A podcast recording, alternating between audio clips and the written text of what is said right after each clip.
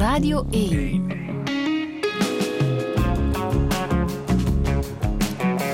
Douche. Met Friede Lesage. En met Danielle Dirks. Goedemorgen. Goedemorgen, Friedel. Hoe gaat het? Het gaat erg goed met mij. Ik ben heel blij. kan niet anders, hè? want je hebt gefeest, denk ik, sinds afgelopen donderdag. Mm, ja, je hoort het nog een beetje aan mijn stem. dat is niet erg. Ja, nee, dat, uh, het is een heel bijzondere week voor de Roma. En de Roma ligt heel nauw aan mijn hart. En we hebben uh, dat twintigjarig bestaan heel goed uh, gevierd deze week. Twintigjarig bestaan van de renovatie, want de Roma zelf bestaat al veel langer natuurlijk. Hè? Het is een gebouw dat dateert van 1928. Ja, dat klopt. Hè. Dus het gebouw is uh, 95 jaar oud, denk ik. Hè. Mm -hmm. uh, maar uh, we zijn 20 jaar geleden een ruïne beginnen opkuisen met allemaal vrijwilligers. En eh, dat was een ongelooflijk megalomaan idee om te doen. maar dat is helemaal in orde gekomen en dat is uitgegroeid tot een bloeiende volksschouwburg nu met uh, activiteiten zes dagen op de zeven. Dus dat is, uh, dat is een volwaardige schouwburg, concertzaal, cinema, uh, dansplek.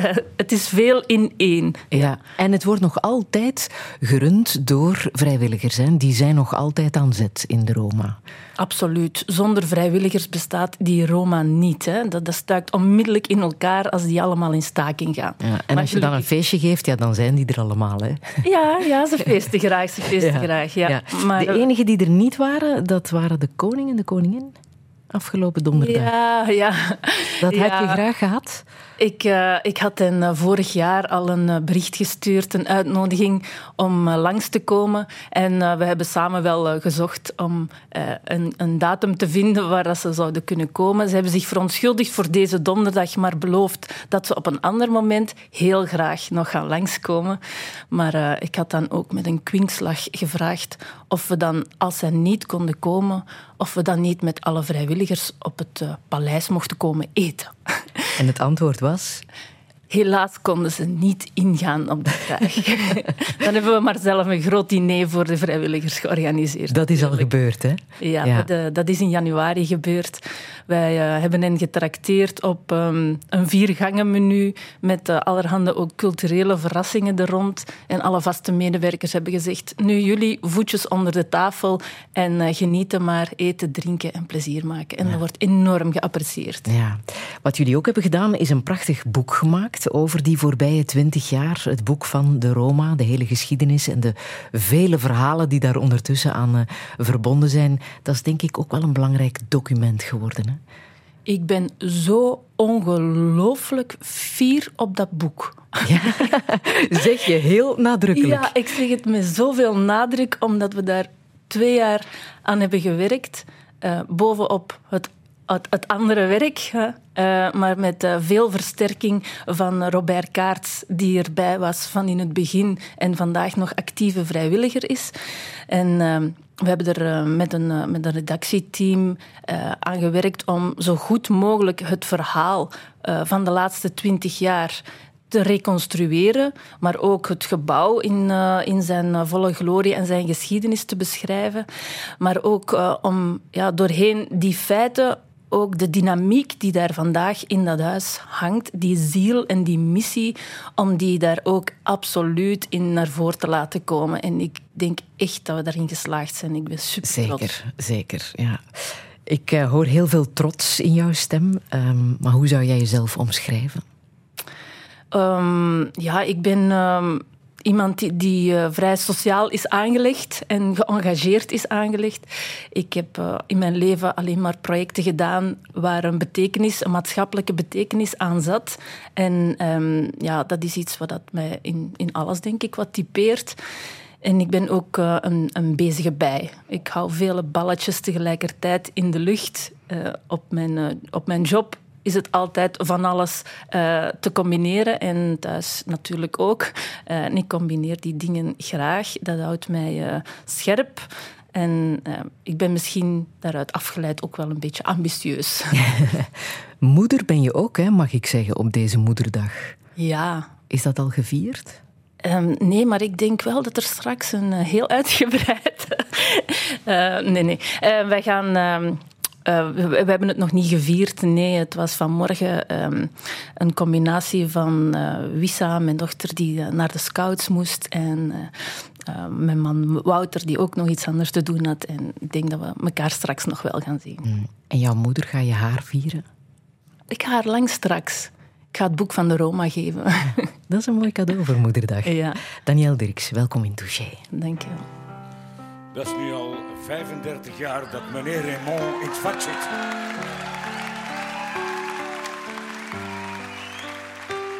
Hij heeft gezongen in Aalst, Peuty, Zwevenzelen en Genoelselderen.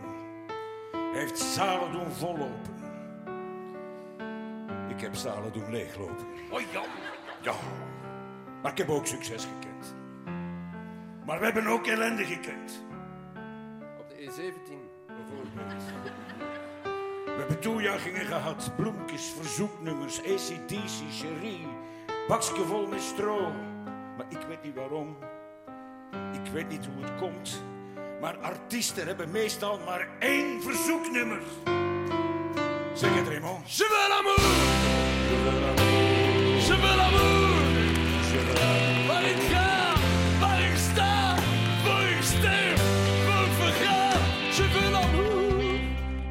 heeft een syndicaat en een agent.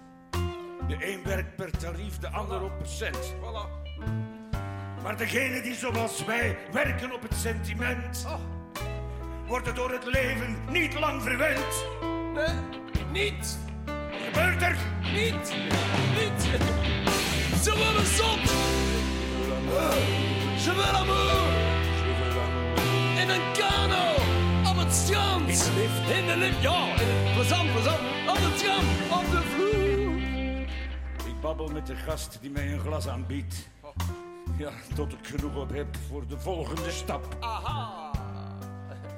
Dan babbel ik met het meisje dat er tof uitziet. Proberen, proberen. Ja, probeer ik aan mee. Ik slof me uit. Een compliment. Een grap. Maar ik wil geen grap, meneer. Ik wil geen grap. Je veux l'amour. Ik wil geen geld terug van de telefoniste. Ik wil dat ze van me houdt. Voor hoe lang? Voor toujours. Ja, lang hè.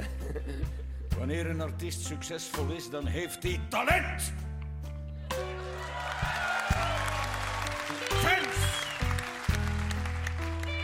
Wordt geëerd als een vorst, maar wanneer het minder goed gaat, wat heeft hij dan nog? Paranoia. Paranoia. Dat is Twijfel. Je veux l'amour. Lust. Je veux l'amour. In die hel. Als ik kots in een goot. Onder het kwel. Half dood.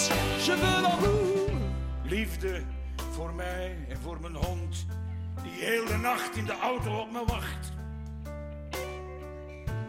Ik wil er zelfs voor de premier, Welke? de lelijkste, de jongste. Al heeft hij zijn schoenen niet meer. Nee, Je veux l'amour. Je veux l'amour. Om een slapeloze vrouw. Valt jij de nat als ik thuis kom. Stond zon om vier uur 's ochtends. Je veux l'amour. Voor wie? voor mijn vrienden. Ah ja, van mijn vrienden. Die ook vanavond weer de weg naar mijn optreden niet vinden. Ja. Nee. Veux l'amour. Voor wie nog? Voor mijn verstrooide madame, Ja, ja, die die. aan pilveren gaat. Ja, die, die. Ja, maar dat, dat was expres. Dat was expres. Voor abortus, veux l'amour. weg naar Amsterdam. Nu. Niet zelfs. Niet te dadelijk. Hier, Nu. ze niet, Dat zit.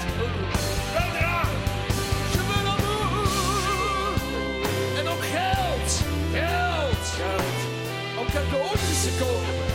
En aan iedereen te geven. Omdat ze zouden. aan de houden. Dat er maar uit aan de houden.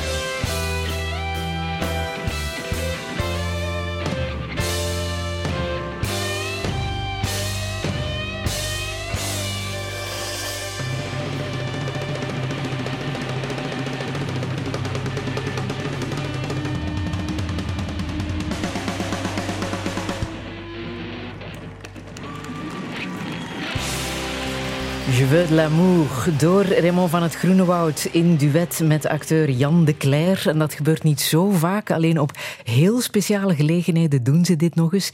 Uh, ze zijn jarig op dezelfde dag. Hè? En als er een verjaardag te vieren valt, zoals die van de 20ste uh, van uh, de Roma, dan, dan zijn ze erbij, Daniel Dirks. Afgelopen donderdag dus ook. Ja, we hadden natuurlijk een programma ineengestoken uh, dat voor het publiek nog onbekend was. Uh, voor ons gekend, maar zij waren, uh, dus Jan de Cler en Remo van het Groenewoud, waren onmiddellijk bereid om erbij te zijn. Ze zijn uh, ook grote Roma-fans. Uh, ze ondersteunen het project al zoveel jaren mee. En het is een ongelooflijke dynamiek. Als je die twee samen op het podium brengt, Heerlijk, hè? Dan, uh, ja, dan gebeurt er iets, hè? iets magisch. Ja. maar wat je zegt, is het ook iets tussen de artiesten en de Roma? Daar is toch een speciale band. Hè? Het is geen plek als alle andere zalen en culturele centra waar al die artiesten komen, denk ik. Uh, je hebt gelijk, dat is iets ongrijpbaar. Er gebeurt iets uh, als artiesten in de Roma komen. De mensen die al van in het begin erbij zijn, die um, ja, voelen zich wat mee eigenaar eigenlijk van, van de Roma, uh, komen daar graag, zijn heel dankbaar voor de kansen die ze hebben gekregen doorheen die twintig jaar om daar te spelen. Maar uh, als je het mij vraagt, mijn interpretatie is dat ze zich telkens opnieuw overstijgen en naar het publiek een extraatje geven. Ze geven het gevoel om uh, ja, daar heel graag te zijn en um, ja, een, een zaal vol, vol mensen, dat kan tot maximum 2000 mensen gaan, krijgt het gevoel van in een living te zitten, in een heel exclusieve voorstelling te zijn. En dat heeft dikwijls te maken met dat artiesten letterlijk benoemen dat ze fijn ontvangen zijn, dat het eten zo lekker is in de backstage. En ze vanaf dat ze hun appreciatie over de zaal en over de organisatie benoemen, heeft het publiek het idee van we zijn hier op zo'n exclusieve mm -hmm. gelegenheid uh, die niemand anders kan meemaken, alleen wij. Ja? Want wij staan daar niet bij stil natuurlijk als publiek, maar achter de schermen, backstage, worden artiesten inderdaad opgevangen door massa's vrijwilligers hè, die daar hebben gekookt, die hebben gezorgd dat de kleedkamers in orde zijn, dat Terwijl dat in andere huizen ja, de job is van mensen. Dat maakt toch een groot verschil, denk ik. We hebben ongeveer 45 vrijwilligers per dag in huis. Ja, dat is die veel. Die van s morgens vroeg tot s avonds laat de boel mee doen draaien. En die daar met uh, absolute overtuiging en uit vrije wil en met heel veel goesting uh, mm -hmm. ja, het... Uh, het publiek komen verzorgen, de artiesten komen verzorgen. En um, ja, dat, dat, dat, voel, dat voel je als, als vaste medewerker, maar uh, vanuit de artiesten krijgen we ook erg die boodschap terug. Er zijn ook uh, elke avond twee backstage vrijwilligers, noemen we die, die als als artiesten van het podium komen, um, champagne geven. Dus er staan glaasjes cava eigenlijk, hè? Ja. klaar. En ook al lust je geen cava als artiest, je zal dat uitdrinken. want dat is daar zo, met zoveel dank. liefde ja. uh, klaargezet.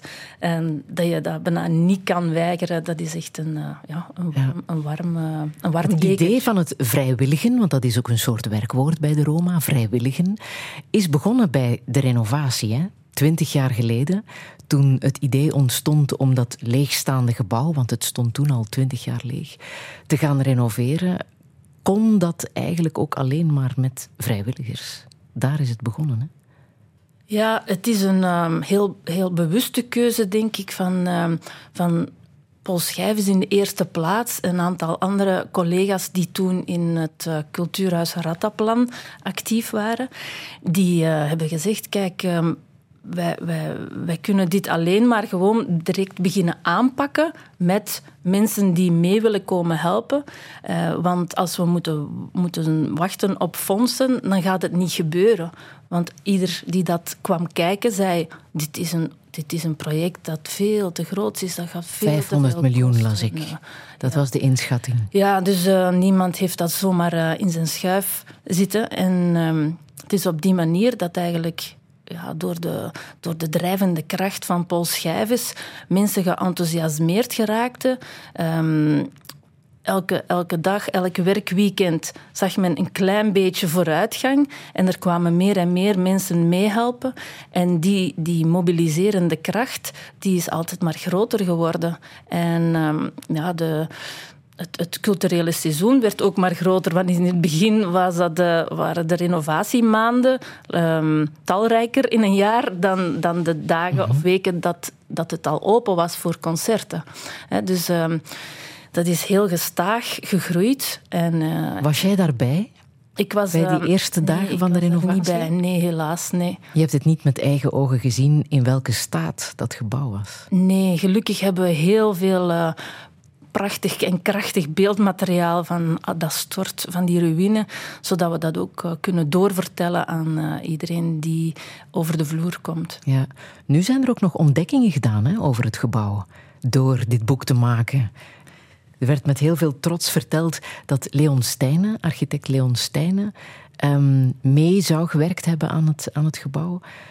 Dus dat blijft een verhaal dat, uh, dat nog altijd geschreven wordt, dat nog altijd niet af is. Ja, de geschiedenis is, van de Roma. Ja, er is ongelooflijk veel uh, werk gegaan naar het reconstrueren van die geschiedenis. Um, we hebben ook heel veel uh, beeldmateriaal opgenomen, oude, oude plannen die gevonden zijn, die dan uh, uitwijzen dat eigenlijk um, ja, de verbouwingen eerst anders bedoeld waren. We hebben gidsen in onze, in onze werking, hè, die rondleidingen geven, die nu hun verhaal een beetje moeten bijstellen ja. door, het, uh, door het opzoekingswerk dat er voor dit boek is gebeurd. En zo zie je dat we uh, ja, blijven schrijven aan het verhaal, niet alleen dat van vandaag en voor de toekomst, maar ook uh, over het verleden. Ja. Afgelopen donderdag heb je niet alleen de vrijwilligers en de artiesten bedankt, maar ook de donateurs. Want die blijven ook heel erg belangrijk om dat huis open te houden. Hè? Hoe werkt dat? We hebben een fonds Vrienden van de Roma. Dat is een projectrekening bij de Koning Boudewijn Stichting. En wij hebben daar uh, een, een, een vijfhonderdtal donateurs die maandelijks variërend bedrag tussen de 10 euro per maand uh, tot en met 100 euro per maand storten voor onze werking. En dat gaat vooral naar de activiteiten die te maken hebben met de vrijwilligerswerking en uh, met de erfgoed en met um, de maatschappelijke programmatie. Dus dat zijn drie pijlers die aan dat uh, fonds verbonden zijn, waarmee dat we die donaties eigenlijk kunnen um, inzetten. Is het voor jou nog altijd een wonder dat het draait, dat je zo'n huis met 2000 plaatsen, waar zoveel kan uh, gebeuren, dat dat zo goed marcheert? Ja, dat is echt een wonder. Uh, ik kijk daarnaar en uh, verwijzend naar dat fonds, het is ook een wonder dat mensen uh, op die manier mee eigenaar zijn eigenlijk, het draagvlak creëren, achter dat project staan door, door geld te geven. Um, maar het gaat ook over die vrijwilligers die zich blijven inzetten en die ook van elkaar zeggen, goh, het is toch wel straf dat dat hier zo draait op vrijwilligers. Hè? Ja? Um, niets is verworven, dat, is, dat zeg ik elke dag tegen mezelf in stilte. Niets is verworven, niets is evident. Um, oudere vrijwilligers zullen stoppen op een bepaald moment. We moeten nieuw bloed voorzien. Maar ook in de programmatie is het, een, uh, is het elke dag opnieuw kritisch er naar kijken, in vraag stellen: zijn we nog altijd wie we willen zijn? Die, die, die volksschouwburg met mm-hmm. heel brede programmatie. We hebben grote concerten met heel veel volk die van ver komen. Um, die kopen allemaal tickets, die drinken aan onze bar. Dat is onze grootste bron van inkomsten. Uh, dat is belangrijk, maar met die opbrengsten kunnen we in het gebouw onderhouden, maar kunnen we ook de activiteiten blijven doen die eigenlijk financieel niks opbrengen, um, maar die we wel belangrijk vinden.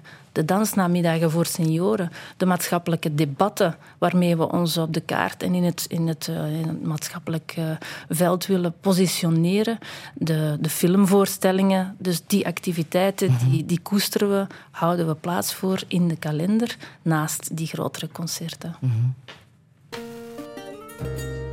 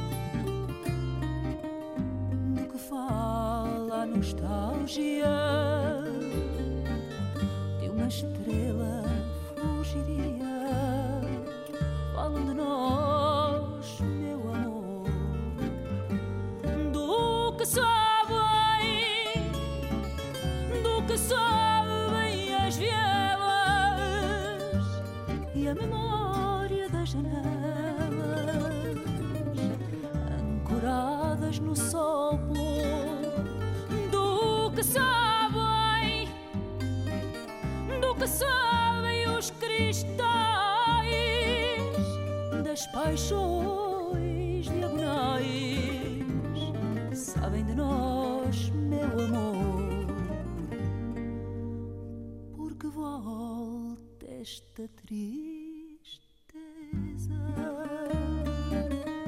O destino à nossa mesa,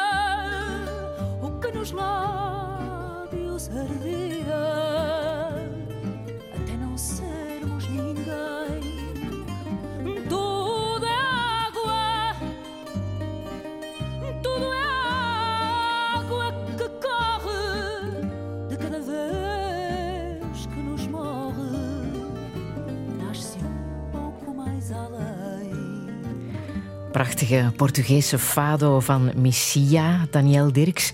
Welke herinnering komt naar boven als je deze muziek hoort? Missia is een eh, heel bijzondere artieste voor mij met eh, eigenlijk de herinnering aan het overlijden van mijn vader. Ik heb eh, die cd ehm, in mijn collectie en ik heb die op een bepaald moment toen mijn vader ehm, niet lang meer te leven had en eigenlijk thuis nog werd verzorgd, heb ik die bij ons thuis in de living opgelegd omdat het zo doodstil was in huis. Ehm, er kwam palliatieve verzorging langs. Ehm, wij kwamen met de kinderen allemaal om beurten langs. Ehm, maar dat was, het was daar zo kil. En we hebben toen eigenlijk aan de thuisverpleegster toestemming gevraagd om in zijn toestand toch muziek op te zetten. We wisten dat niet, of dat dat eigenlijk wel kon om dat in zo'n situatie te doen, terwijl we waren in ons eigen ouderlijk huis. Maar het sterven is natuurlijk iets waar we niet zo bedreven in zijn om daar mee om te gaan en om dat te begeleiden. Nu, gelukkig zijn er mensen, verzorgend personeel, die dat al wel zijn en die toen hebben gezegd, natuurlijk, zet muziek op. En had hij iets met Portugese fado? Nee, het is een heel egoïstische keuze van mij. Is het waar? Ja, voor mij eh, is, is fado ontzettend troostend, strelend, maar heel krachtige muziek. En daar zit dan ook hoop in tegelijkertijd, natuurlijk. En dus ik, eh, ik heb die muziek op, opgelegd en ik merkte bij de rest van de familie dat het goed was. Dat het klopte. Ja, dat Want klopte. wat voor iemand was jouw vader? Oh, mijn vader was een, ehm, een heel energiek man, een heel genereus man. Van beroep was hij slager, dus hij is heel zijn leven zelfstandige geweest. Ik ben in een slagerij opgegroeid. Eh, mijn moeder en mijn vader baten die samen uit. En ehm, Ja, hij was een, eh, een man die dat, dat met passie deed, maar die ook eh, erg, erg bereid was ehm, of klaar stond voor de buurt. Dus zijn klanten, onze klanten, waren tegelijkertijd ja, buurtbewoners waar hij tegen kon zeggen: Kom maar af als er een probleem is. Hè. We gaan En dat gebeurde? Ja, het was, eh, het was schering en inslag bij ons thuis. ja. Alle kleine en grote problemen eh, passeerden bij ons in de winkel. Zoals? Wat komt dan zo bij een slager binnen? Ja, eh, wij hadden overburen zonder auto. De vrouw was hoogzwanger. Er water brak. Er werd s'nachts bij ons aangebeld om met de auto naar het ziekenhuis te rijden. Mhm. En dat deed jouw vader. Dat deed mijn vader. Er was een, een vrouw, een oude vrouw, die in onze straat woonde. Die werd gepest. We wisten niet door wie. Daar werd, daar werd verf tegen haar gevel gegooid, s'nachts. En mijn vader ging eh, in de auto op straat, s'nachts, meekijken naar wie dat in godsnaam die vrouw zo aan het pesten was. Ehm, ja, op die manier. Kleine, grote buurtproblemen. Eh, wij hadden ook ehm, eh, regelmatig telefoon kregen wij uit Marokko. Omdat onze ja, ook weer buurtbewoners geen telefoon hadden en dan ons telefoonnummer doorgaven. En ze werden opgebeld door familie uit Marokko. En dan eh, stond er zo een half uurtje een vrouw Marokkaans te, te spreken. Heel luid. In het begin dacht ik dat ze boos was. dat ze ruzie aan het maken was aan de telefoon. Maar het was gewoon met eh, heel veel emotie en eh, overgave dat zij met familie in Marokko aan het bellen was. Dat gebeurde bij ons en dat was eh, de normaalste zaak van de wereld. Ja, dat sociaal engagement kreeg je op die manier mee van je ouders. Ja, dat denk ik wel. En ehm, ja, ik was, ik was klein, ik was een kind. Ik kreeg de boodschap mee: je mag altijd in de winkel komen, maar je moet vriendelijk goeiedag zeggen. Dat was de boodschap. Voor de rest moest dat er niks. ik kon alles. Maar ik ging daar wel eens rond en ik eh, pikte dan de gesprekken op.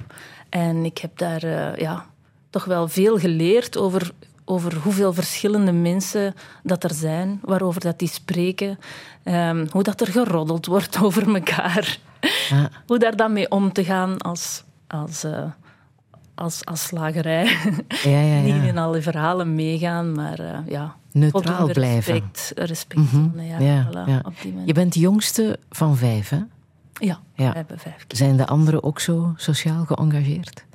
Ja, dat is, eh, dat is zeker het geval. Ik ben een nakomer, dus ehm, ja, ik heb niet het hele, het hele verhaal van het gezin meegemaakt. Ik heb dikwijls de foute grap, merk ik nu, of denk ik nu, gemaakt van eh, ja, ja, al die verhalen van op reis gaan en zo. Ik was daar niet bij, dus ik heb alles gemist. Maar eigenlijk is het andersom. Ze, ze, ze, ze hebben, hebben heel veel aandacht aan mij gegeven als nakomertje. Maar eh, ja, we hebben een, ja, een, heel, een heel sociaal voelend gezin. Ja. Je zat ook bij de scouts, dacht ik. Ja, dat klopt. Ik ehm, ben groepsleiding geweest. Ik heb, eh, Ook bepalend geweest voor wie je bent geworden, denk je? Absoluut, ja. Ik raad iedereen aan om in een jeugdbeweging te gaan.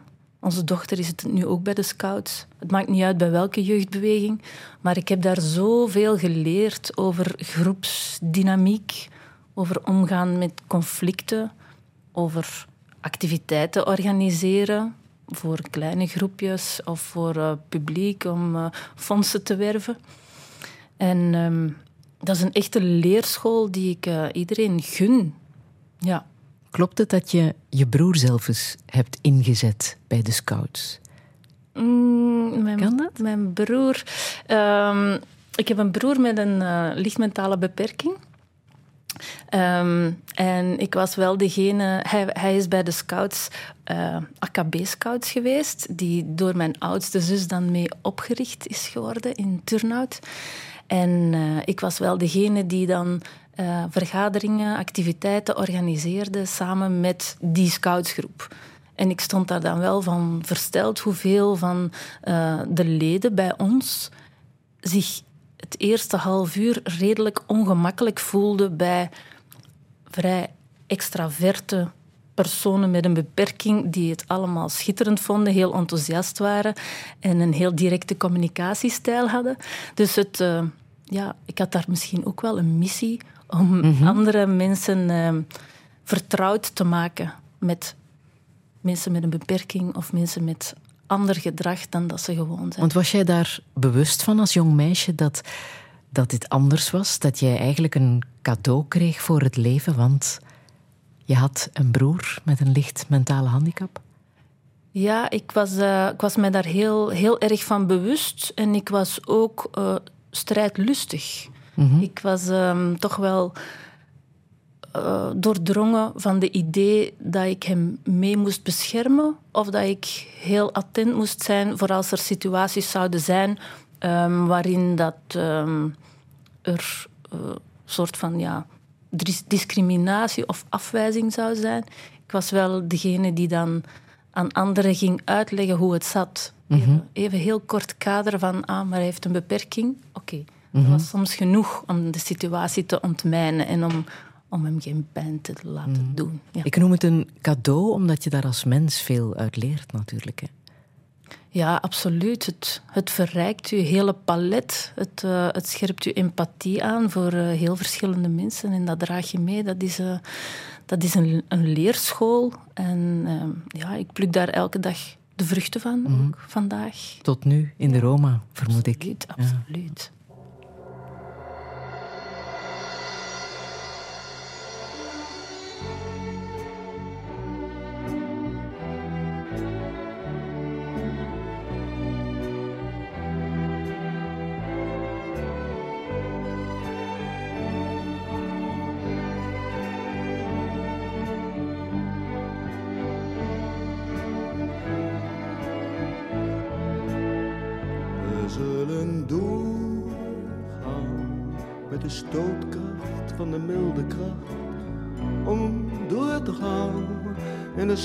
Sprakeloze nacht. We zullen doorgaan, we zullen doorgaan. Tot we samen zijn. We zullen doorgaan met de wankelende zekerheid. Om door te gaan in een mateloze tijd. We zullen doorgaan, we zullen doorgaan. Tot we samen zijn. We zullen doorgaan met het zweet op ons gezicht om alleen door te gaan in een loopgraaf zonder licht. We zullen doorgaan, we zullen doorgaan tot we samen zijn. We zullen doorgaan telkens als we stilstaan, om weer door te gaan. Naakt in de elkaar, we zullen doorgaan, we zullen doorgaan. Tot we samen zijn, we zullen doorgaan. Als niemand meer verwacht dat we weer sprakeloze nacht. We zullen doorgaan, we zullen doorgaan.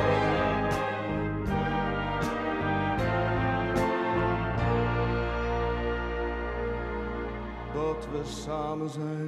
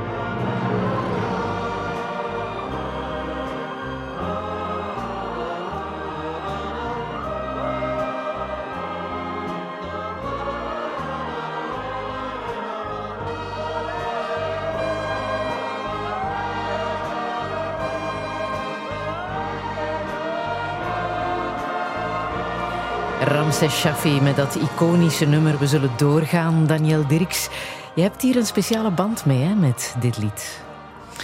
Ja, ik heb ehm, dit lied eigenlijk op eh, verschillende momenten in mijn leven in een erg strijdlustige context ja, gehoord. In live uitvoeringen door mensen die eigenlijk, uh, waarvoor het leven echt een, een, een strijd is. Hè. Dus ik ben actief geweest in de armoedebestrijding.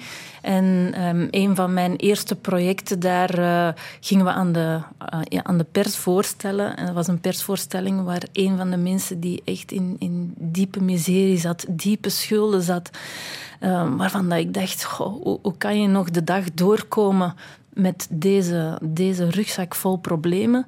Die heeft dat toen live gezongen. Die, uh, dat was Werner, die heeft een ongelooflijke een klok van een stem.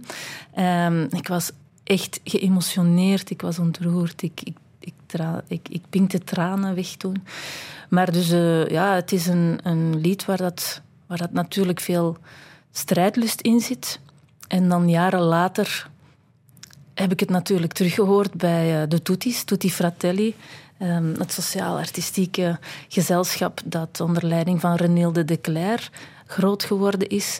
En die elk jaar in de Roma hun première van hun nieuwe theaterstuk brengen.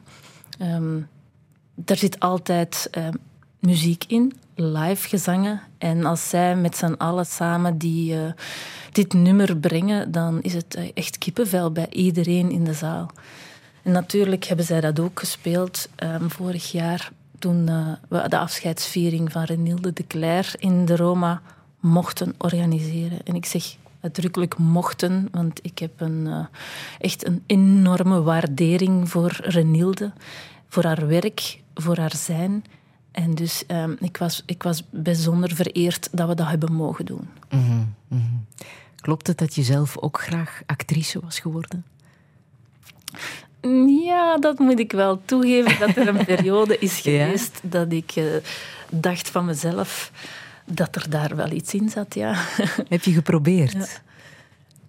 Ja. Um, zijn we niet allemaal een beetje dagelijks acteur en actrice? Nee, nee. Ik, ben, uh, ik heb een infobrochure opgevraagd van Studio Herman Terlink.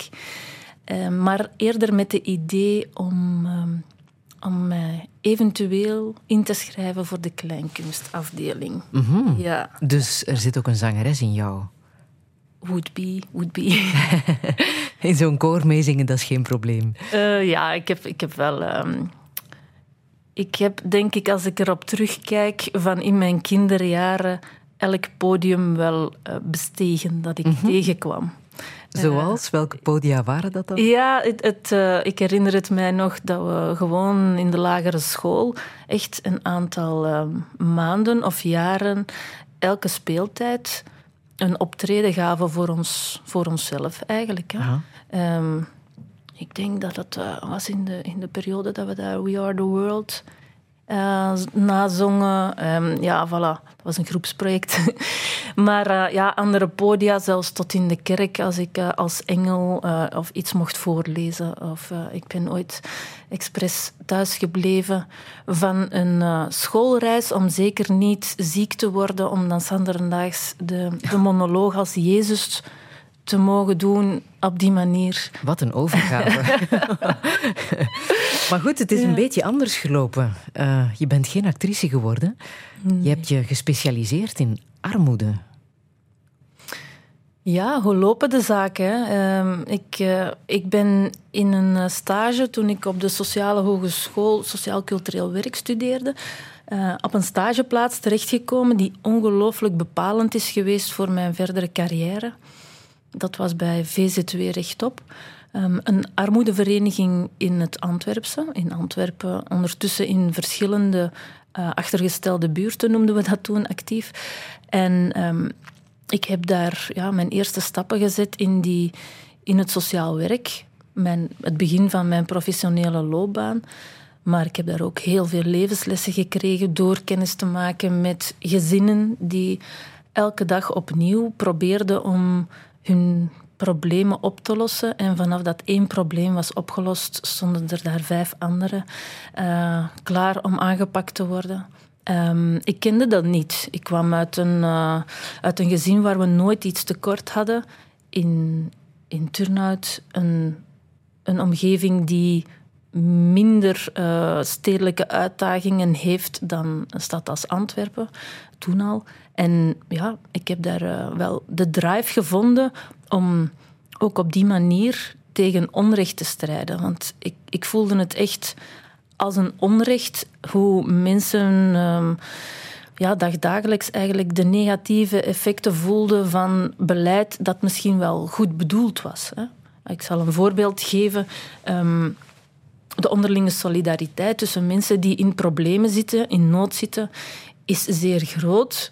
En het moment dat je uh, iemand wil helpen die om een of andere reden uit huis wordt gezet of geen, geen huis, geen slaapplaats heeft, als je die bij een huis pakt, dan heeft dat een onmiddellijk gevolg natuurlijk op je eigen inkomsten als je van een uitkering leeft. Want dan ben je uh, niet meer een alleenstaande, maar dan ben je uh, een, een, een tweepersoonsgezin. En ja, die effecten daarvan, die... Ja, ik, snap, ik snap dat dat een beleidsmaatregel is, maar ik snap ook dat dat in, als een enorm onrecht wordt aangevoeld als twee mensen elkaar gewoon uit de nood willen helpen. En daar is het eigenlijk uh, ja, op, op basis van die verhalen, die situaties die ik daar leerde kennen. Um, ben ik mij daar toch wel uh, volledig in gaan verdiepen. Je bent zelfs opnieuw gaan studeren aan de universiteit. Ik wou door aan de universiteit te gaan studeren in de sociale wetenschappen meer kennis krijgen over hoe komt het dat dat bestaat in zo'n welvarend land hoe kan dat? Ik wou dat kunnen plaatsen. Uh -huh. En ik wou ook ja, beter mijn eigen visie kunnen ontwikkelen over welke strategieën vind ik dat we moeten verder ontwikkelen en ondersteunen en welke niet.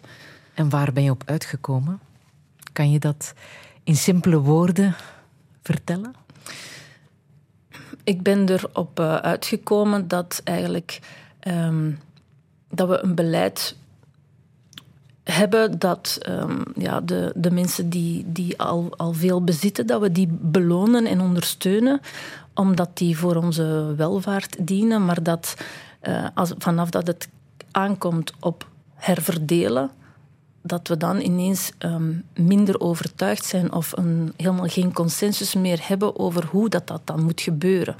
Uh, we zijn al enkele jaren nu aan het discussiëren over de kinderbijslag. Wie heeft daar nu meer of minder recht op? Moeten we mensen of gezinnen die, of kinderen die het minder goed hebben, moeten we die meer geven dan anderen die het eigenlijk niet nodig hebben? En dan is er ineens een, uh, ja, toch wel een twijfel, een aarzeling bij verschillende politici. En dan krijg je dat vreselijke discours over de armen die het verdienen om geholpen te worden en de armen die het niet verdienen. En vanaf dat we daarover beginnen, dan weet ik op basis van heel de geschiedenis van daarmee bezig te zijn, dat er niks van in huis gaat komen. Ik weet niet of het duidelijk is wat ik wil Mhm. zeggen. Dat is in simpele bewoordingen, inderdaad. Ja. Want je bent een vijftal jaar geleden ook gestopt aan de universiteit om de Roma te gaan leiden. Was het genoeg geweest? Had je het gevoel, ik kan hier geen bakens meer verzetten? Ergens um, heb ik wel het idee dat ik alles uh, gezegd en geschreven heb wat ik erover te zeggen kon hebben. En um, ik heb mijn werk op de universiteit altijd gedaan met, een, uh, met het oog op maatschappelijke impact. Ik wou geen rapporten fabriceren die ergens in een schuif um, zouden belanden, maar ik wou onderzoek doen dat een basis zou zijn voor actie.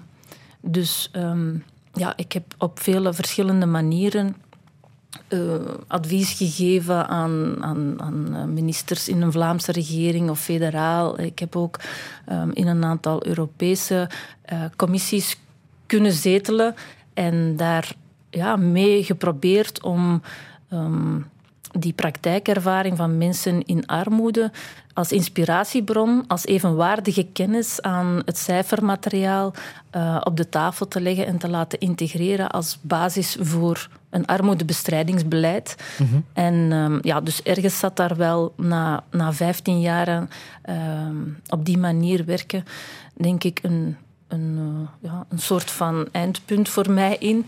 Maar uh, ik heb er wel ook gewoon heel veel kansen gekregen um, door in al die verschillende plaatsen te kunnen uh, communiceren en te kunnen zien van hoe, hoe, hoe kan die boodschap van mensen in armoede, waar het dan voor mij allemaal begonnen is, toch ook uh, tot op de juiste plaatsen uh, geraken.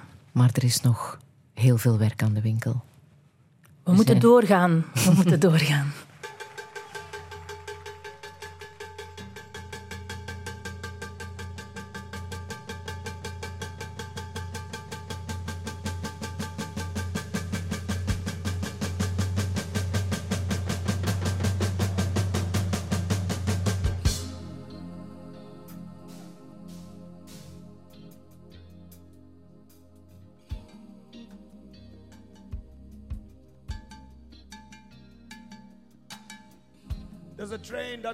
From Namibia and Malawi.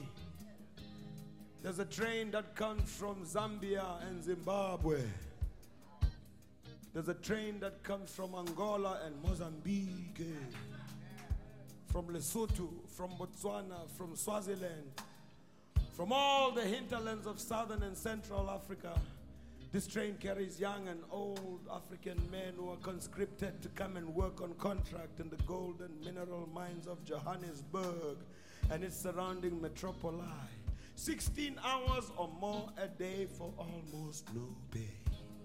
Deep, deep, deep down in the belly of the earth.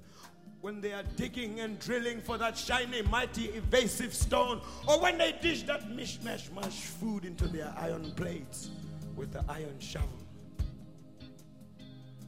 Or when they sit in their stinky, funky, filthy, flea ridden barracks and hostels, they think about the loved ones they may never see again because they might already have been forcibly removed from where they last left them or wantonly murdered in the dead of night by roving and marauding gangs of no particular origin. We are told. They think about their lands and their herds that were taken away from them with the gun and the bomb and the tear gas and the Gatling and the cannon. And when they hear that choo choo train, a chugging and a pumping and a smoking and a pushing and a pumping, crying and a steaming and a chicken and a wah, wah. They always cuss and they curse the coal train the coal train that brought them to Johannesburg.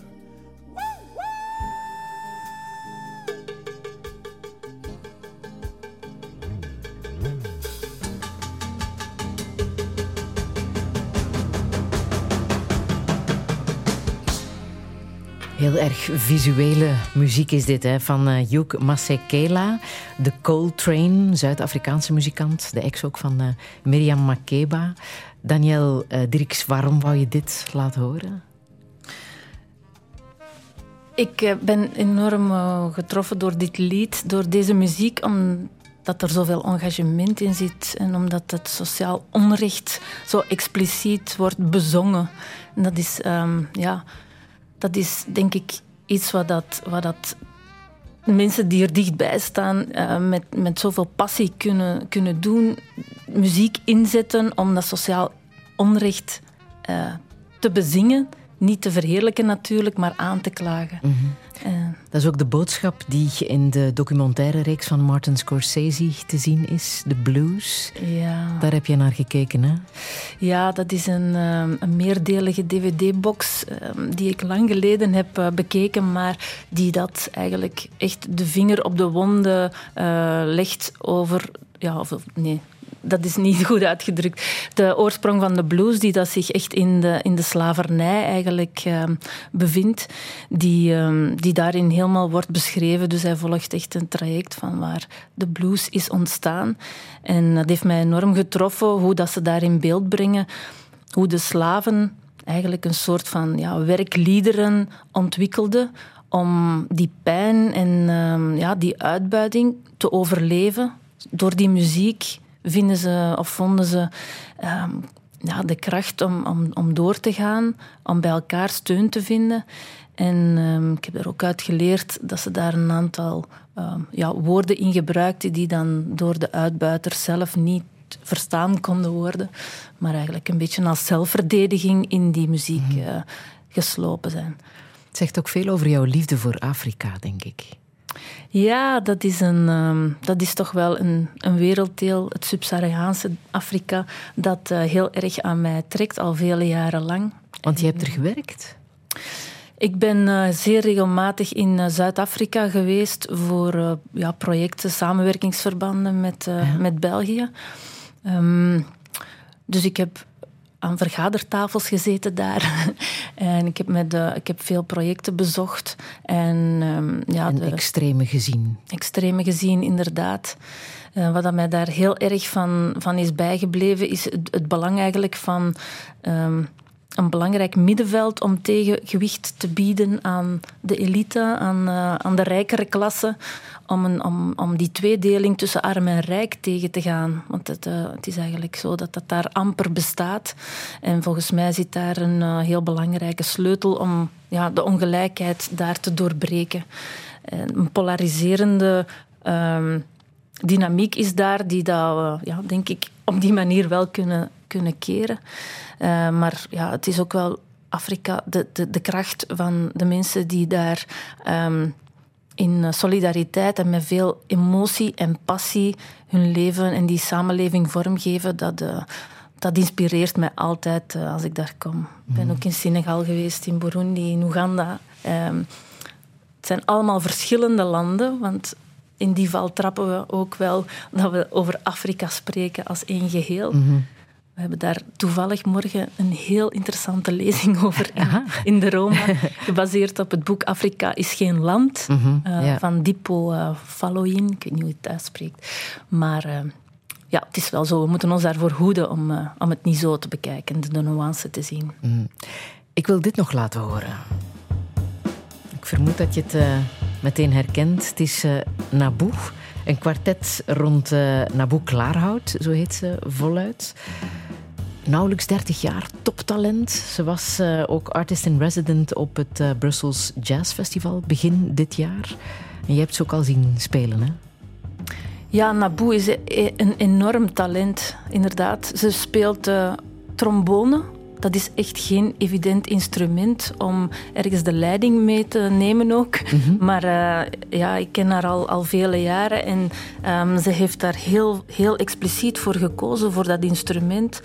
Um, is daar op, op heel eigen kracht erg, erg uh, voor gegaan om um, opleidingen te gaan volgen in Londen, in Rotterdam. En uh, ze heeft ondertussen heel veel prijzen gekregen.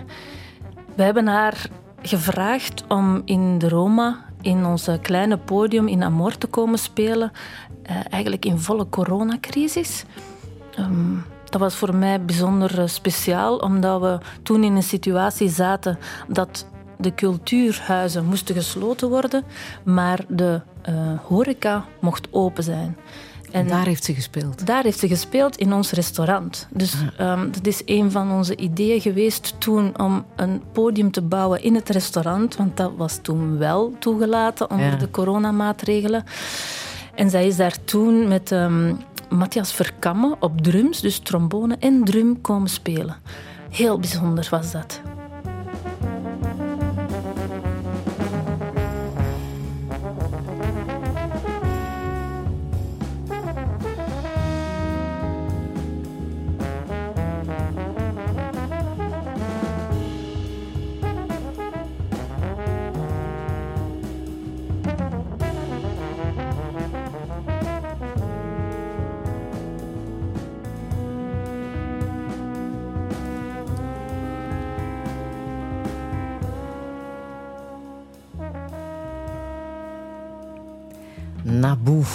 Ze in de gaten. Radio 1.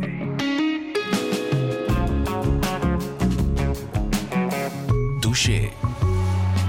de Lesage. En met Danielle Dirks. Al vijf jaar mag ze aan het hoofd staan van de Antwerpse concertzaal De Roma. Het huis dat deze week samen met meer dan 600 vrijwilligers de 20ste verjaardag van de renovatie viert. Want een beschermd gebouw als de Roma met 2000 zitjes in zijn oude glorie herstellen kon alleen maar met onbaatzuchtige hulp. Of je nu in armoede leeft of donateur bent, iedereen vindt daar wel een plek. Maar hoe moet het verder? Krijgen we armoede ooit de wereld uit? Hoe verzoen je cultuur met politiek? En wat is het wonder van haar immuuntherapie? Dit is Touché met Danielle Dirks. Een zeer goede middag.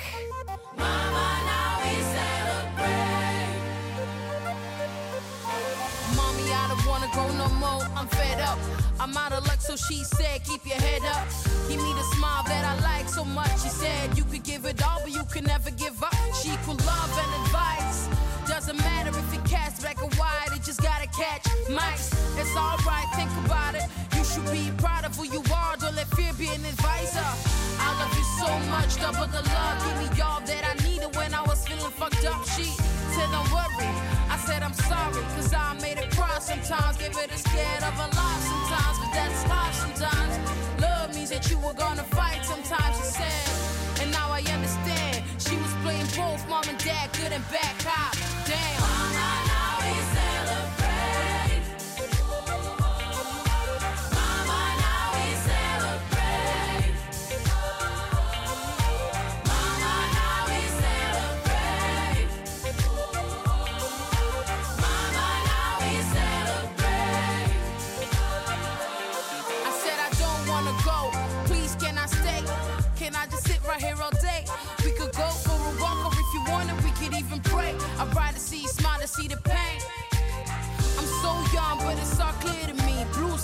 You only see clouds blocking the heavenly. You told me to hold on and believe, but almost lost faith due to pain absorbing all your energy. So please let me just make it right, she said. You can't turn back the hands of time. Let me be in all the fine in the wild, but fine in the wild was not being defined by time. So while I watch time passing by, she smiled at me and she said, que c'est rare,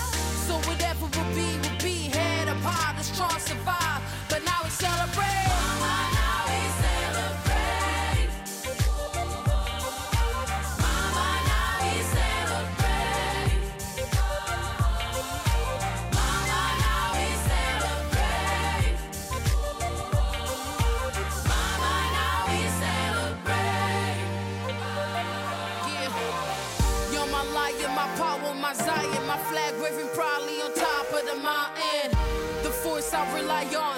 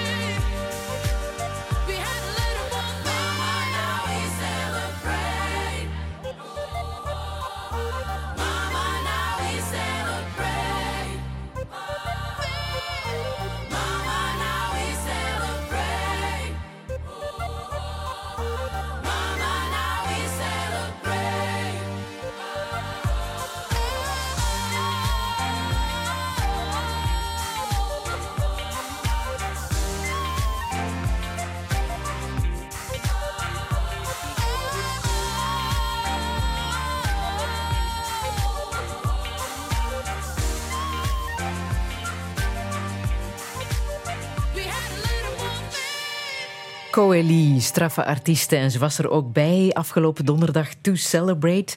De 20ste verjaardag van eh, de Roma in haar hometown Borgerhout. Een maand geleden speelde ze nog voor een uitverkochte zaal bij jullie, Daniel Dirks. Coeli heeft heel de zaal ingepakt. Hè?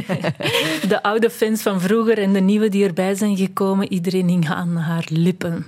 Maar denk je dat een plek als de Roma haar mee heeft gestimuleerd, haar mee heeft doen dromen van de carrière die ze nu aan het maken is? Ja, ik denk dat uh, de Roma daar absoluut een rol in heeft gespeeld. Ze, ze, is ons ook heel dankbaar. Ze houdt van de Roma, uh, ze houdt van het podium. En ja, ze is dicht bij huis begonnen. En ze heeft er uh, maar ja, natuurlijk alle credits voor haar eigen kwaliteiten en doorzettingsvermogen en creativiteit. Het is een enorm talent. Maar het is heerlijk om haar op het podium te horen zeggen hoe graag dat ze dan ja, in de Roma heeft gestaan. Dat ze daar heeft gewoond. En ehm, ja, dat dat haar, heeft gevormd. Ja. Het klinkt allemaal mooi en evident. Hè? De deur staat open van de Roma, iedereen is welkom, maar toch is het niet altijd zo makkelijk. Een paar maanden geleden was er de kwestie uh, Queer Iftar, wat jullie wilden organiseren naar aanleiding van uh, de Ramadan. Hè. Jullie wilden een uh, moslimfeest voor de LGBTQ-gemeenschap organiseren. Dat is helaas afgelast uit veiligheidsoverwegingen dat snijdt, dat doet pijn natuurlijk. Als je zoiets uiteindelijk niet kan laten doorgaan. Dat doet absoluut pijn. Um, het sterkt ons wel in de overtuiging dat we dat moeten blijven doen. Um, en dat moeten blijven doen, dan bedoel ik activiteiten organiseren waarmee dat we bepaalde groepen van mensen die onzichtbaar zijn, zichtbaarder maken. Of uh, waarvan dat we de stem luider laten klinken. Want dat was onze bedoeling en dat is onze bedoeling bij veel van onze maatschappelijke activiteiten. Dat we, dat we hen een, een plek geven en aan de wereld laten zien um, waar deze mensen uh, tegenaan botsen. En wij, wij willen een hefboom zijn daarvoor. Nu, we doen dat altijd in partnerschap met verenigingen, organisaties die de expertise uh, in huis hebben. Wij zijn eigenlijk een facilitator, wij zijn een plek um, met veel airplay. Wij sturen natuurlijk um, mails en, en, communicatie uit om onze activiteiten aan te kondigen. En daar, daarmee maken wij een statement door die partnerschappen aan te gaan. Um, nu dat het uh, voor deze activiteit niet is kunnen doorgaan, is heel erg. Maar tegelijkertijd hebben we wel ook aan de mensen die dat over hun ervaringen kunnen vertellen.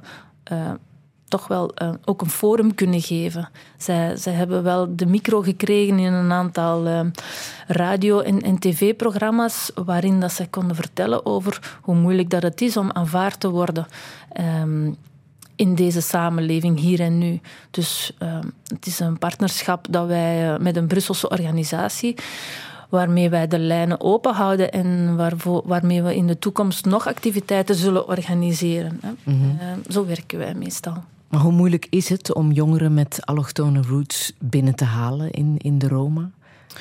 Onze manier van werken is dat we met eh, verenigingen samenwerken waar zij hun eigen plek hebben gecreëerd. En uh, we gaan met hen rond de tafel zitten en we proberen om de, de boodschap die zij hebben, um, of het product, de film, de documentaire. Um, het boek dat ze eventueel hebben gemaakt, om dat uh, in een programma te steken dat de Roma waardig is. En daarmee bedoel ik, we hebben een grote zaal waar veel mensen in, uh, in kunnen.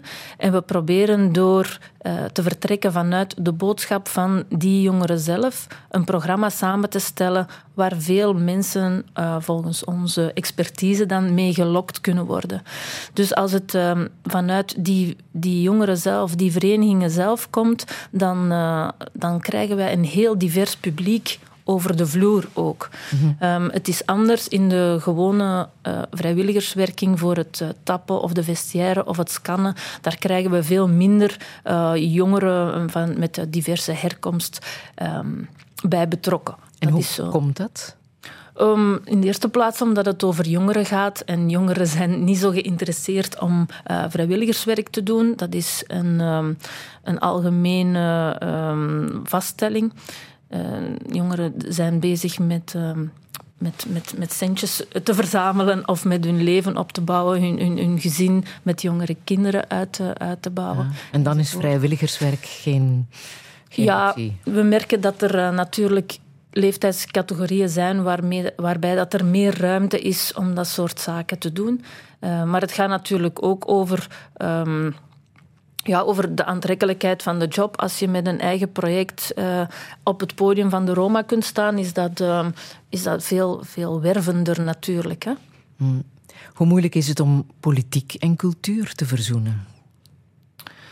Oh, dat hangt ervan af wat je met politiek juist bedoeld. Wij, uh, wij zijn alle dagen politiek, want wij maken statements tegen racisme en tegen armoedebestrijding. En wij hebben elk jaar activiteiten voor Vrouwendag enzovoort. Um, dat is een standpunt innemen en dat is tegen de samenleving zeggen: kijk, via cultuur willen wij um, mensen samenbrengen, groepen samenbrengen, aandacht vragen voor ja, mensen die aan de, aan de zijlijn staan in de samenleving. Um, en voor de rest, wij zijn een uh, huis dat weinig um, met politiek te maken heeft in de zin van um, één convenant met de stad zorgt voor onze basissubsidie. Um, we hebben geen Vlaamse subsidies. We hebben uh, voor de rest geen andere linken met, met overheden. Uh, en wij proberen ja, die, die lijnen met de stad, met het stadsbestuur, uh, ja, open te houden. Om um, ook voor Borgerhout natuurlijk die culturele activiteiten te kunnen blijven garanderen. Want zoals je weet er is geen cultureel centrum in Borgerhout. En ja, op die manier vervult de Roma wel daar uh, die functie ook. -hmm. Wat jullie nu ook gaan doen, is de stadsdichters onderdak geven. De stadsdichters die eind vorig jaar de handdoek in de ring hebben gegooid, zijn trouwens ook uh, twintig jaar bezig, maar het boterde niet meer tussen het stadsbestuur en de stadsdichters. Maar die hebben nu een plek gevonden in de Roma.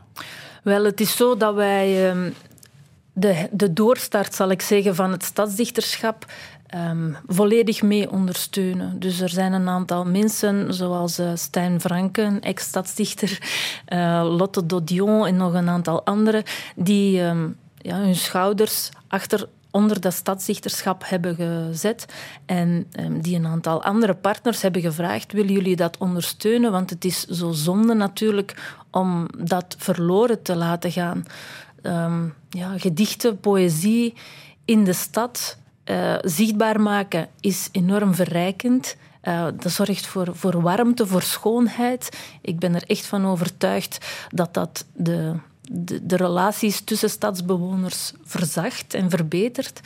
Um, maar het gaat ook over het woord, ja, woorden geven, taal geven aan wat er in die stad allemaal gebeurt. Um, dus ik ben uh, helemaal gewonnen voor het stadsdichterschap en met een bijdrage vanuit de Roma financieel is dat, om het uh, ja, niet, niet teloor te laten gaan, dat stadsdichterschap. Uh, maar ook door een plek te geven wanneer dat zij een podium nodig hebben, zullen wij het stadsdichterschap uh, met veel plezier en liefde blijven ondersteunen. Je hebt dus een gedicht in jouw jaszak gevonden, hè? Ja. Van Maarten Engels. Maarten Ingels is een enorme creatieve duizendpoot. Ja. En inderdaad, ik was uh, naar een voorstelling in de Arenberg Schouwburg gegaan. En bij, uh, bij thuiskomst, of ja, bij het verlaten van de zaal, was ik mijn fietssleutel aan het zoeken in mijn jaszak. En daar zat een zakdoek in met een gedicht erop. Ja. En uh, wij, ja, dus iemand had dat erin gestopt? Ja, ze hadden het denk ik in de vestiaire in elke ah, jaszak gestopt. Ja, dat was Qua een van creativiteit zijn, kan dat wel tellen. Ja, ja. absoluut. Ja. Hij heeft het speciaal voor jou nog eens voorgelezen. Ik zal het Ah. laten horen. Zullen wij in een knoop liggen? De arme draadjes. Zullen wij aan de achterkant van de dag schimmen schilderen? Zullen wij ons invrijven met de schemering van de straat? Zullen wij een wandelende schaar worden, de gedachten openknippen? Zullen wij een walvis met een ontgoocheld jongetje ingeslikt? Zullen wij de schaduw van een onsterfelijke imiteren? Zullen wij een verwonderde? Volmaakt te samenvallen in een open mond, zullen we dan wat zeggen? Het zuivere zeggen of het schorre schreeuwen? Zullen wij in een tegenbeweging liggen? Het hart piano. Na mij, zeg mij na. Het gedicht Tussen haakjes, zo heet het, op jouw zakdoek. Ik hoop dat je het nog hebt. Ja, ik heb het nog zo mooi voorgedragen ook. Schitterend. Maarten. Engels, waarover gaat het? Wat, wat hoor jij in dit, dit gedicht? Eh, ik hoor vooral heel veel eh, fantasie en interpretatie van hoe dat mensen zich door de stad bewegen. Vol verbeelding, eh, vol, ehm, vol overgave, vol liefde. Dat hoor ik daarin. Aha. En belangrijk ook dat je die jonge stadsdichters, want de laatste lichting, dat zijn vooral heel jonge mensen, dat je die blijft kansen geven, toch? Ja, dat is talent dat absoluut niet verloren mag gaan. En eh, ja, ik ben er enorm van overtuigd dat dat de stad verrijkt.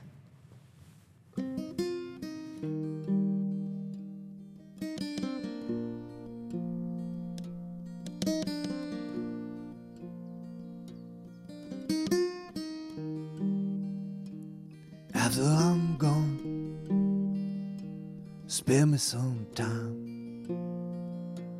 Gather round a fire. After I'm gone, after I'm gone from the great Babylon, don't say we never took the time. We just to kept moving on. After I'm gone play a little tune. Find someone who can croon like Sinatra all night long. After I'm gone, remember me and cheer. A little wine, a little beer. After I'm gone, after I'm gone, go out on the street. Tell the people that you meet. Had a lot of fun. After I'm gone, read some poetry, eat vegetables and cheese, and dance and party all night long.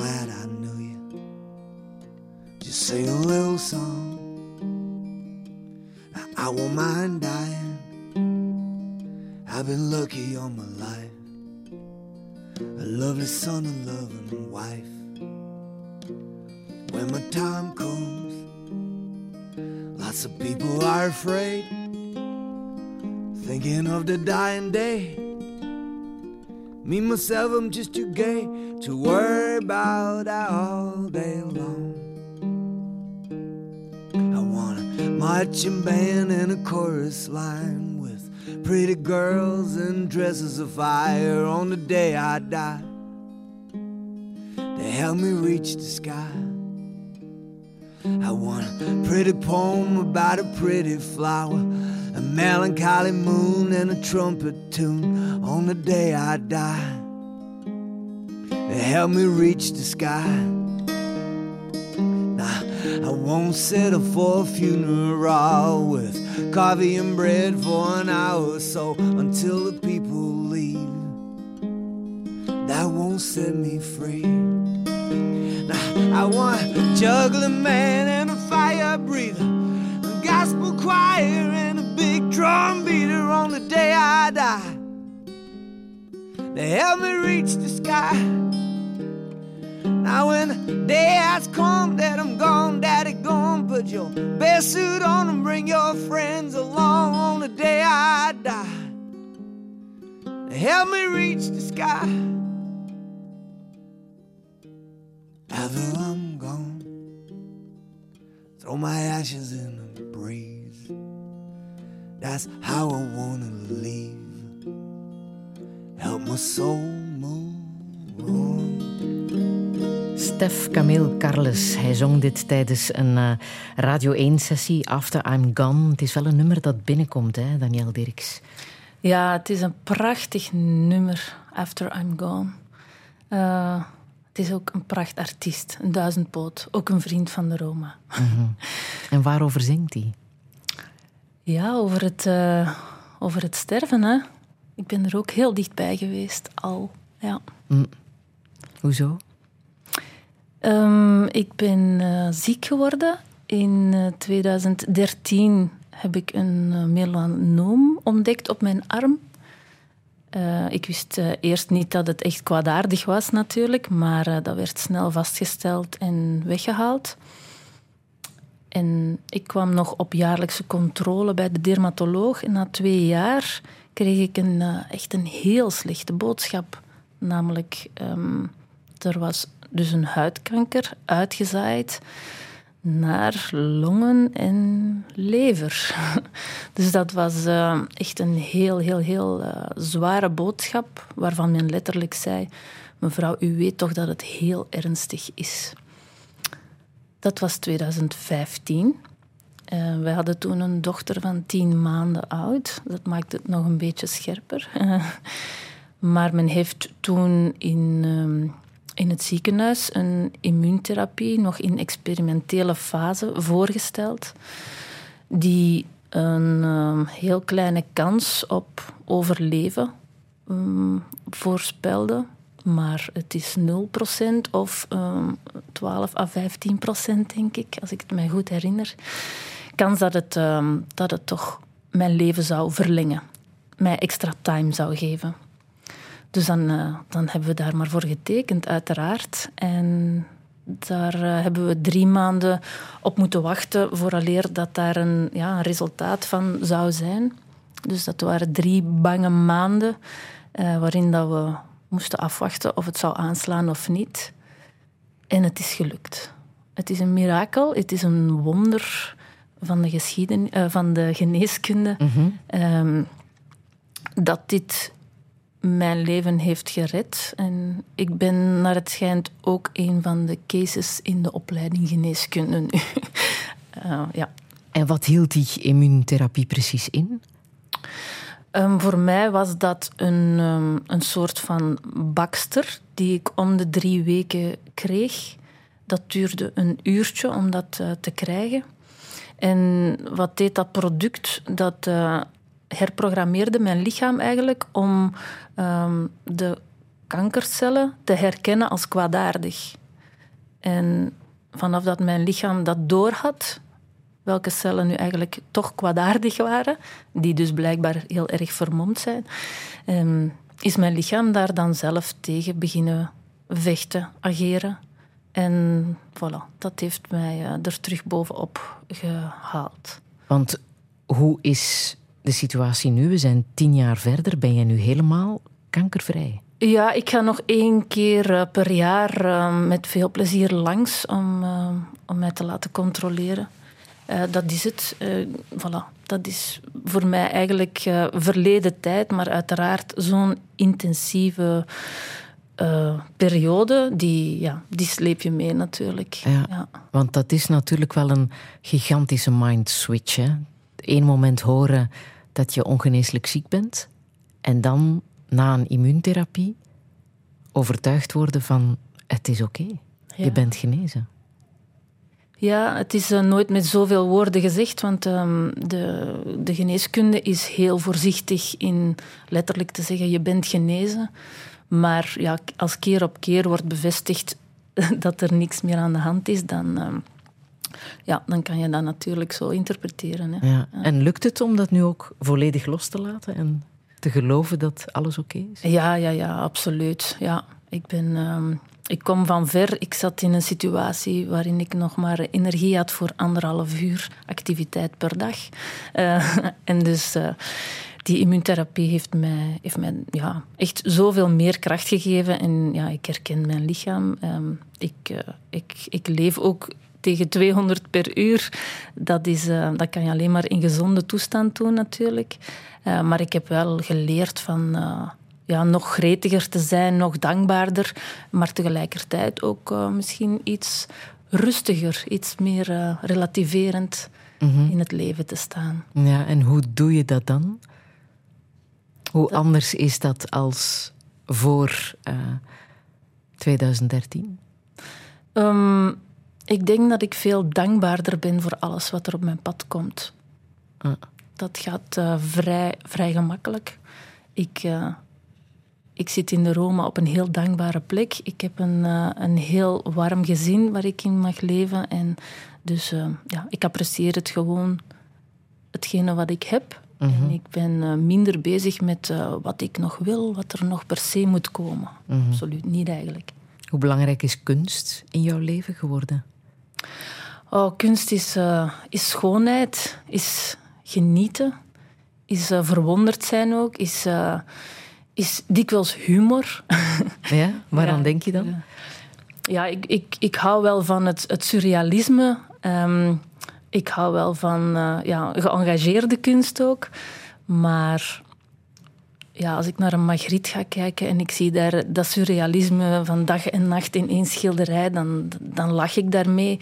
Ik vind ook ehm, de, de schilderijen van eh, Michael Bormans ontzettend intrigerend. Daar, daar, ja, het is echt zoeken naar hier klopt iets niet, maar wat klopt er niet? En ja, los van het feit dat dat natuurlijk uh, artistiek enorm hoge kwaliteit is. Dat, uh, ik ken er niks van als, als specialist in de kunsten, Mhm. maar wel, uh, ik, ik weet wel wat ik voel en hoe het op mij overkomt. Die werken, die namen, die kunnen we allicht niet betalen en in ons huis hangen. Maar kunstboeken kunnen een goed alternatief zijn. Dat is bij jou denk ik het geval, hè? Ja, zwijg me erover.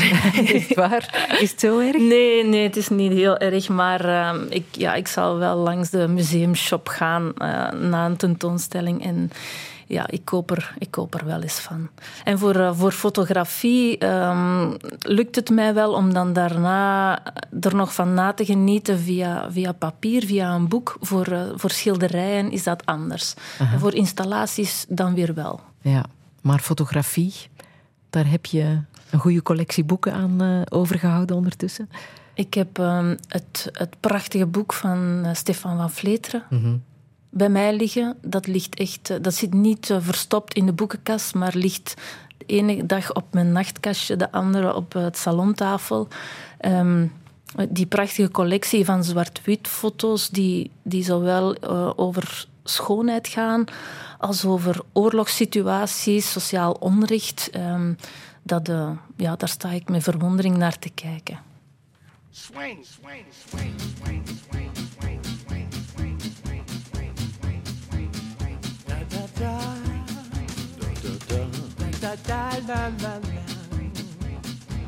What good is melody? What good is music if it ain't possessing something sweet? Absolutely. It ain't the melody, it ain't the music. There's something else that makes the tune complete. I'm gonna start this beat again.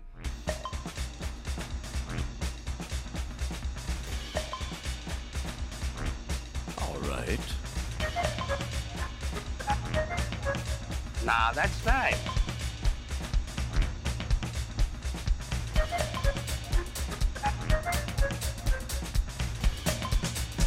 Now all I have to add is this.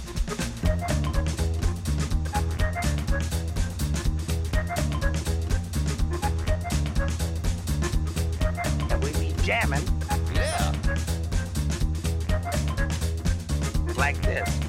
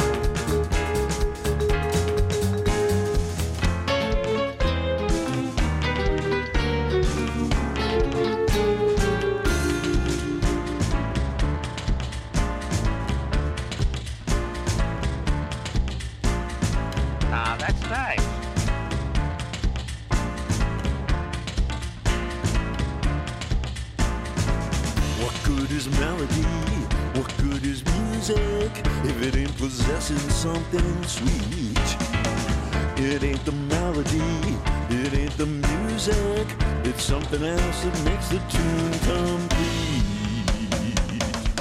It don't mean a thing if it ain't got that swing. It don't mean a thing, all you got to do is sing. It makes no difference if it's sweet or hot. Just got to give that rhythm all you got. It don't a thing if it ain't got that swing.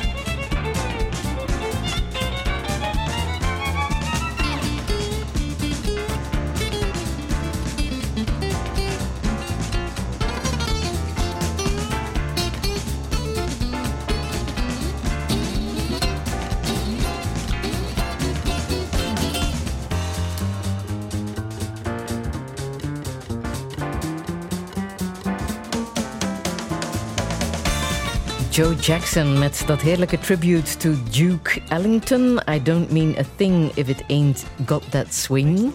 Daniel Dirks, het is meer dan dit nummer alleen voor jou. Hè? Wat zit hier allemaal in? Oh, dit, uh, dit nummer is er eentje dat uh, uh, ik op mijn trouwfeest tot vervelens toe van het publiek of van de, van de genodigden ben gaan vragen om te spelen.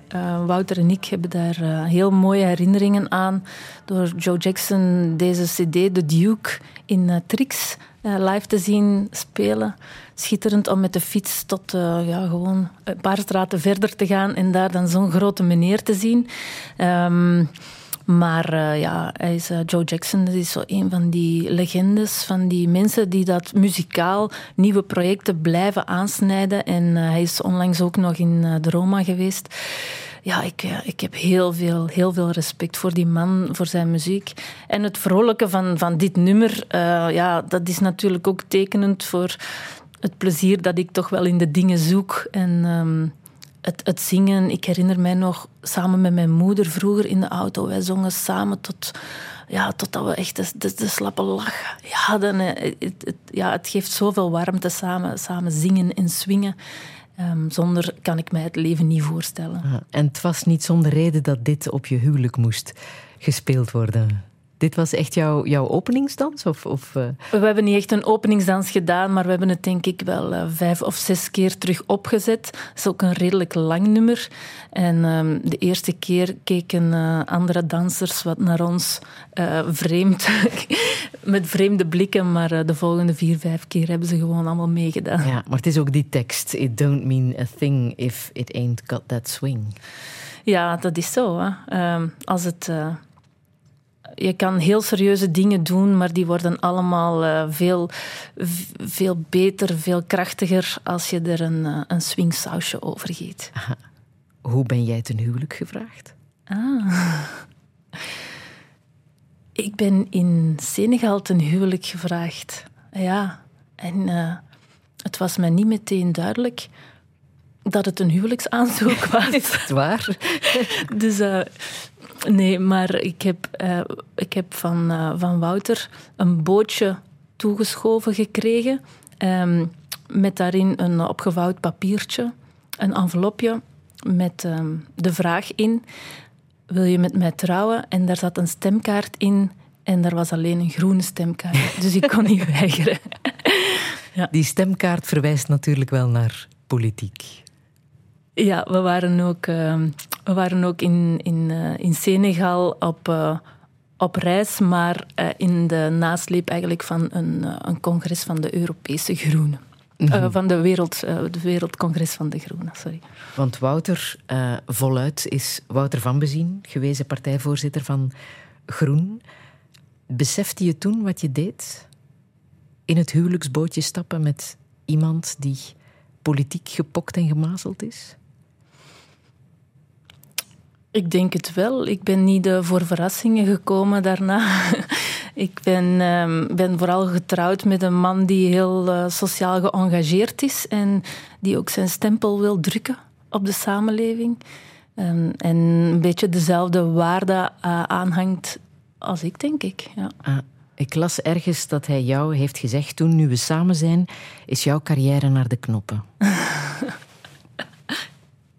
Inderdaad, ik was dat vergeten. Heeft hij dat juist ingeschat of is het anders gelopen?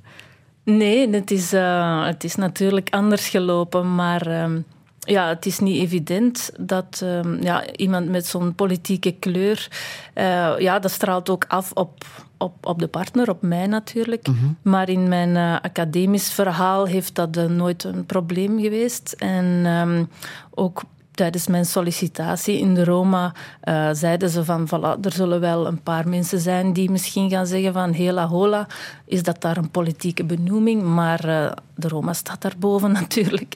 En uh, nee, dat is absoluut geen probleem geweest voor mijn, mijn traject. Ja, ondertussen is hij het grote boegbeeld af. Zou hij dat nog terug doen, denk je? Of is daar iets anders in de plaats gekomen? Hij heeft een uh, nieuwe uh, weg ingeslagen. Hij is een nieuwe weg ingeslagen bij uh, VDK Bank, Belgische duurzame bank, waar dat hij echt zijn tanden inzet. Hij, hij, bijt zich vast in hoe dat eigenlijk heel die financiële wereld um, meer de duurzaamheid hier bij ons, maar ook in de wereld kan ondersteunen. Dus um, ja, we, we, beseffen dat misschien te weinig, maar er zijn veel van onze gelden die voor uh, onethische doelen worden gebruikt door allerlei banken. En uh, hij ziet in dat vehikel, zal ik zeggen, van de VDK-bank wel een. Um, ja, een manier om, om het voorbeeld te geven dat het ook anders kan. En ik hoop van aan de zijlijn dat gewoon uh, alle andere banken of heel die financiële markt volgt. Mm. Want de wereld verander, verander je niet alleen via de politiek. Als het niet lukt via de politiek, moet het dan op andere manieren? Ik ben ervan overtuigd dat het een en-en verhaal is. Uh, de politiek kan, uh, kan veel veranderen. De financiële markt kan veel veranderen. De cultuur kan veel veranderen. Mm -hmm. Wat voor discussies zijn er bij jullie aan de keukentafel? Zijn dat dingen die, die op tafel komen? Waar duchtig over doorgepraat wordt? Uh, wij delen wel uh, veel van, van onze bezigheden en, uh, en visies en activiteiten. En ja, de krant ligt daar en nog een aantal andere tijdschriften. Wij wisselen wel eens wat gedachten uit um, en, en, en, verontwaardiging enzovoort. Maar aan onze keukentafel wordt vooral heel veel gelachen. Ah ja? Ja, ja is ja, dat, dat, jullie, is, dat, dat is... jullie magie? Dat denk ik wel. We hebben eenzelfde soort uh, humor. We begrijpen elkaar goed op dat vlak en dat, uh, dat brengt echt sfeer in huis natuurlijk. Ja, want het is een samengesteld gezin, hè? Ja, inderdaad. Dus um, wij hebben nog uh, drie grote kinderen um, uit Wouters eerste huwelijk. Dus ik ben um, ook al twaalf jaar plus mama of stiefmoeder. En met dan nog een kleintje van acht jaar erachteraan van ons samen dat is een, uh, een fijne, fijne dynamiek. Daar zit, uh, daar zit veel leeftijdsverschil op. Maar uh, zij kunnen het allemaal heel goed met elkaar vinden.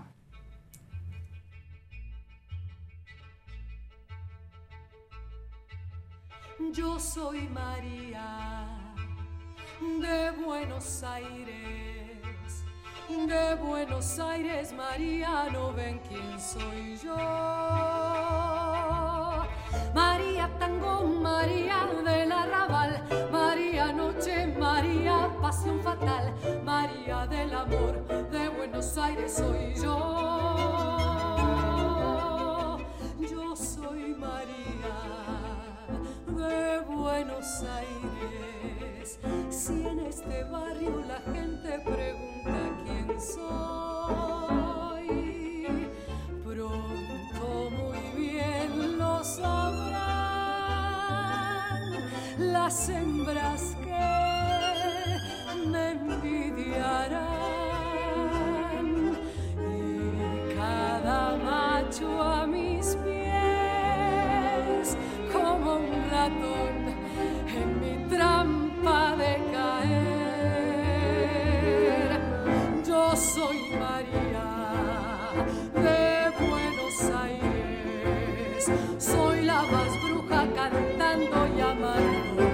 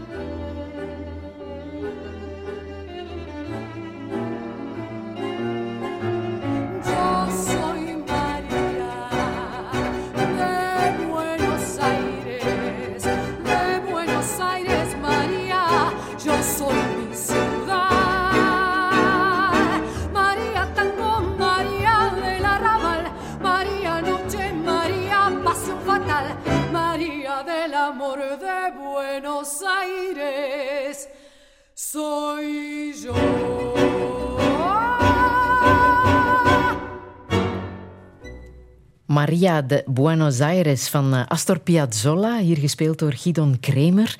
Daniel Dirks, jij kent dit nummer van binnen en van buiten, denk ik. Ik heb de CD waar heel die opera op staat. Het is een opera. Ehm, en dat is eh, voor mij gewoon een heel, eh, een heel fijne CD die zoveel kracht uitstraalt. Met een, eh, een heel mooi verhaal over een, een prostituee in Buenos Aires die ehm, opkomt voor zichzelf. En het wordt dan wel een, ehm, een beetje een spookachtig verhaal op het einde met, met geesten enzovoort. Dus daar haak ik wel wat af. Maar het gaat mij vooral over de muziek, over het Spaans, dat ik een heel krachtige taal vind. Ehm, en de, de ba- bandoneon, de, de tango-muziek op zich, wat ik, eh, ja, ik, ik luister daar echt heel graag naar. Ik krijg er zelf ook energie van en kracht. Ik kan absoluut niet tango dansen en ik ga me daar ook niet eh, aan wagen. Maar ik kan er ook wel mm, naar kijken. Ik, kan, ik vind het een mooie dans op zich. En ik zou wel eens graag naar Argentinië gaan, maar ik heb een beetje schrik dat het dan mijn ideaalbeeld eh, misschien gaat fnuiken. ik weet het niet. Maar dit is dus eh, een fragment uit een tango-opera. Ben je een opera-liefhebber? Ehm, ik ben geen frequent bezoeker van de opera, eh, maar ik ben wel onder de indruk van het bombastische van de decors ehm, en van het, ehm, ja, het, het, het, de expressies die dat erbij komen kijken. Ik ben wel mm, meer eh, geneigd om naar muziektheater of danstheater te gaan dan, dan de klassieke opera. Eh, Sidi Larbi Cherkaoui is voor mij een van eh, de genieën in dat genre. Eh, ik heb gehoord dat hij een ultima krijgt. Dat vind ik meer dan verdiend. Ik hoop dat hij nog heel veel stukken kan maken of gewoon hernemen wat hij al heeft gemaakt, want dat is fantastisch. En ik heb ehm, vorig jaar wel een aantal weken vertoefd in, in de opera in Antwerpen en Gent, omdat we onze dochter hadden ingeschreven voor een, ehm, een, een acteursrol als kindacteur in een van de eh, opera's, De Bekeerlingen, die, ehm, die gemaakt is geweest in combinatie met eh, heel verschillende partners. Dus eh, de klassieke cast van de opera, maar ook met het stadskoor van Antwerpen. En eh, dat was wel een bijzondere ervaring, zowel voor dat kleine meisje Wissa als voor ons, om haar in dat, dat prachtige decor te zien staan. Ik heb daar toch wel een acteertalentje gezien. dus, Ja, eh, ja. Dat wou ze zelf ook heel graag. ja, ze is wel eh, nieuwsgierig. Ze is op zoek naar uitdagingen. En ehm, ze, ja, ze, ze houdt wel van, van theater, van acteren, van gaan kijken, maar ook zelf op de bühne staan. En daar stond ze dan, in de opera. Toch wel bijzonder. Ja, als, eh, als ouders om dat te zien, Ja. smelt je natuurlijk.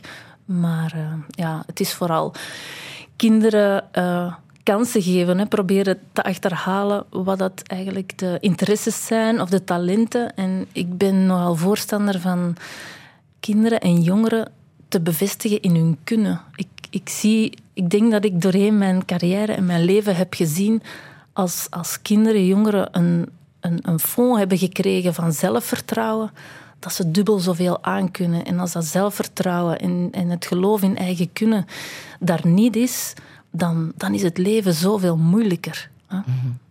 Eind dit jaar word je 50, hè? Ja, ik hoop het. Ga je dat vieren? In de Roma, zeg ik er al meteen bij. Ah, in de Roma is het alle dagen feest, Friedel. Dus je Maar, hoeft eh, dat niet te organiseren. Verjaardagsfeestjes eh, doen we daar niet. Ehm, maar ja, we gaan dat wel vieren. Op welke manier, dat weet ik nog niet. Dat, eh, er zal wel ergens een, een opportuniteit komen, een eh, plezante ingeving. En dan pak ik die met twee handen vast, ja. Wat zou je echt nog willen in je leven? Ehm, ik ben heel tevreden, ik ben heel gelukkig. Eh, ik wil vooral, vooral er nog zijn voor, voor anderen, voor onze kinderen. Ehm, ik wil dat zij eh, ja, hun ding kunnen doen, goed terechtkomen, andere kansen geven. Eh, ik wil er nog zijn voor mijn moeder, die pas 88 is geworden. Dus ja, ik zit, ik zit eerder in de, in, de warme, in de warme sfeer nog een, ja, het beste van maken. Hè. Ja. En welke boodschap wil je nog meegeven? Ik heb een boodschap voor jonge mensen. ehm, dat ze moeten proberen om het, de mooiste versie van zichzelf te worden. En ik denk dat het vooral niet is door jezelf te vergelijken met anderen en dan te denken, "Mm, ander is beter, maar geloven in eigen kunnen, dat, eh, dat brengt ons heel ver, denk ik. Zullen we nog Melody Gardot laten horen? Love Me Like a River Does? Wat een liefdeslied, ja, prachtig. Ja.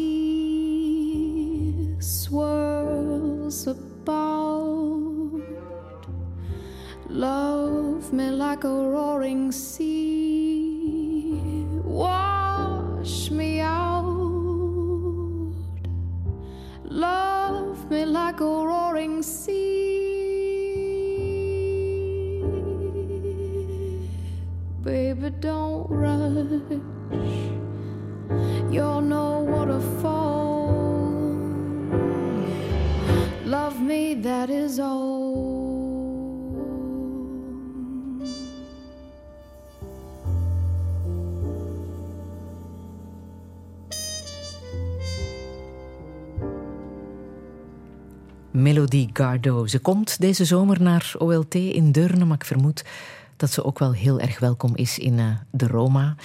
Daniel Dirks, hartelijk dank. Heb je iets gemist? Je kan Touché herbeluisteren in de app van VRT Max.